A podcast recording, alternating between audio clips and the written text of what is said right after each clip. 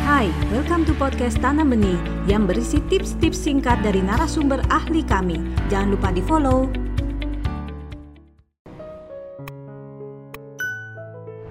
Tips untuk membangun kemandirian anak dengan autism, jadi memang sedini mungkin disesuaikan dengan profil anaknya ya, itu kita bisa eh, pelan-pelan uh, membangun kemandirian mereka dengan cara ya kita memperkenalkan hal-hal yang sederhana di rumah dulu ya hal-hal yang sederhana seperti makan sendiri, minum sendiri, ke kamar mandi, membersihkan tempat tidur, menggenakan pakaian, membersihkan rumah gitu ya. Itu hal-hal yang sederhana.